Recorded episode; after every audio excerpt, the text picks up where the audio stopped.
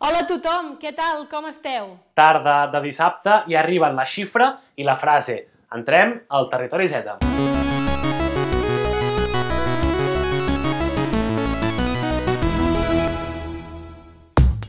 I primer de tot us presentem la xifra d'aquesta setmana, que és aquesta. 60. 60 què, Martí? 60 milions de persones, que són les que, segons el Banc Mundial, cauran en l'extrema pobresa a causa de la pandèmia del coronavirus i de la crisi econòmica que ve o que ja ha arribat. I què vol dir extrema pobresa? Doncs segons el Banc Mundial, que és un banc global que deixa diners a països que s'estan desenvolupant econòmicament, l'extrema pobresa és aquelles persones que viuen amb un euro i 75 cèntims al dia per cobrir totes les necessitats, educació, sanitat, habitatge, alimentació. Això vol dir poc més de 50 euros al mes i un total de 630 euros tot l'any. Evidentment, però, no hem d'oblidar que hi ha moltes persones que no entren a dins d'aquest grup, però que també viuen en la pobresa i tenen grans dificultats per sobreviure. I què més sabem? Doncs que des del 1998 l'extrema pobresa s'estava reduint a poc a poc arreu del món i que ara, per primer cop en 22 anys, tornarà a créixer. I potser us esteu preguntant, quanta gent hi ha a dia d'avui en extrema pobresa? 100 milions de persones, 700 milions, 200 milions, 1.000 milions?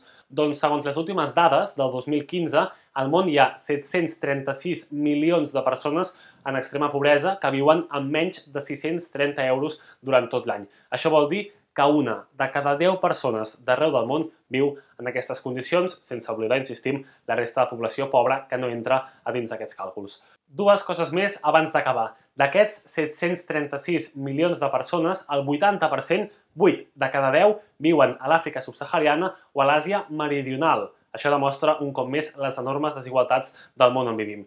Hi ha una altra estadística que ha analitzat la pobresa des d'una altra perspectiva i d'una manera més completa en 100 països en vies de desenvolupament que treu una conclusió, i és que el 50% de les persones pobres en aquests països són menors, 5 de cada 10, una de cada dues persones pobres és menor de 18 anys. I tot plegat, totes aquestes dades en un context que el coronavirus segueix expandint-se arreu del món. Ahir vam superar els 5 milions de contagiats i els 333.000 morts. A més, estem a punt d'arribar als 2 milions de persones recuperades.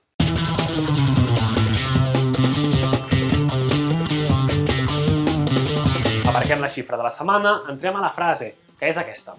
Els centres educatius d'aquells territoris que ja estiguin en fase 2 obriran l'1 de juny. Això què vol dir? Que aquells territoris que puguin estar en fase 2 dilluns vinent obriran l'1 de juny i aquells centres que entrin en fase 2 al seu territori el mateix 1 de juny també podran obrir l'1 de juny. I a partir d'aquí els altres centres dels altres territoris podran anar obrint en funció que el seu territori entra en aquesta fase de desescalada. Ell és, Núria, el conseller d'Educació del Govern de la Generalitat, Josep Bargalló que va anunciar aquesta setmana, com acabeu d'escoltar, que les escoles i instituts podran obrir a partir de l'1 de juny en aquells territoris que estiguin a la fase 2 del desconfinament. Això sí, obriran en unes condicions concretes que ara us explicarem. Les escoles s'obriran, però no s'hi faran classes. El curs continuarà tal i com està ara, és a dir, de forma telemàtica, i per tant les classes es continuaran fent online. I així doncs, molts us deveu preguntar, per què obriran les escoles i instituts? Doncs ho faran només per aquells alumnes que estiguin a final d'etapa, és a dir, els estudiants de sisè de primària, quart d'ESO, segon de batxillerat i que, per tant, s'estan preparant per la selectivitat i també els alumnes del segon cicle de formació professional, per tal de que tots aquests alumnes que us hem explicat puguin rebre el suport que necessitin. Això sí, ho faran en grups reduïts de com a màxim 13 alumnes en el cas dels estudiants de primària i 15 els estudiants de secundària.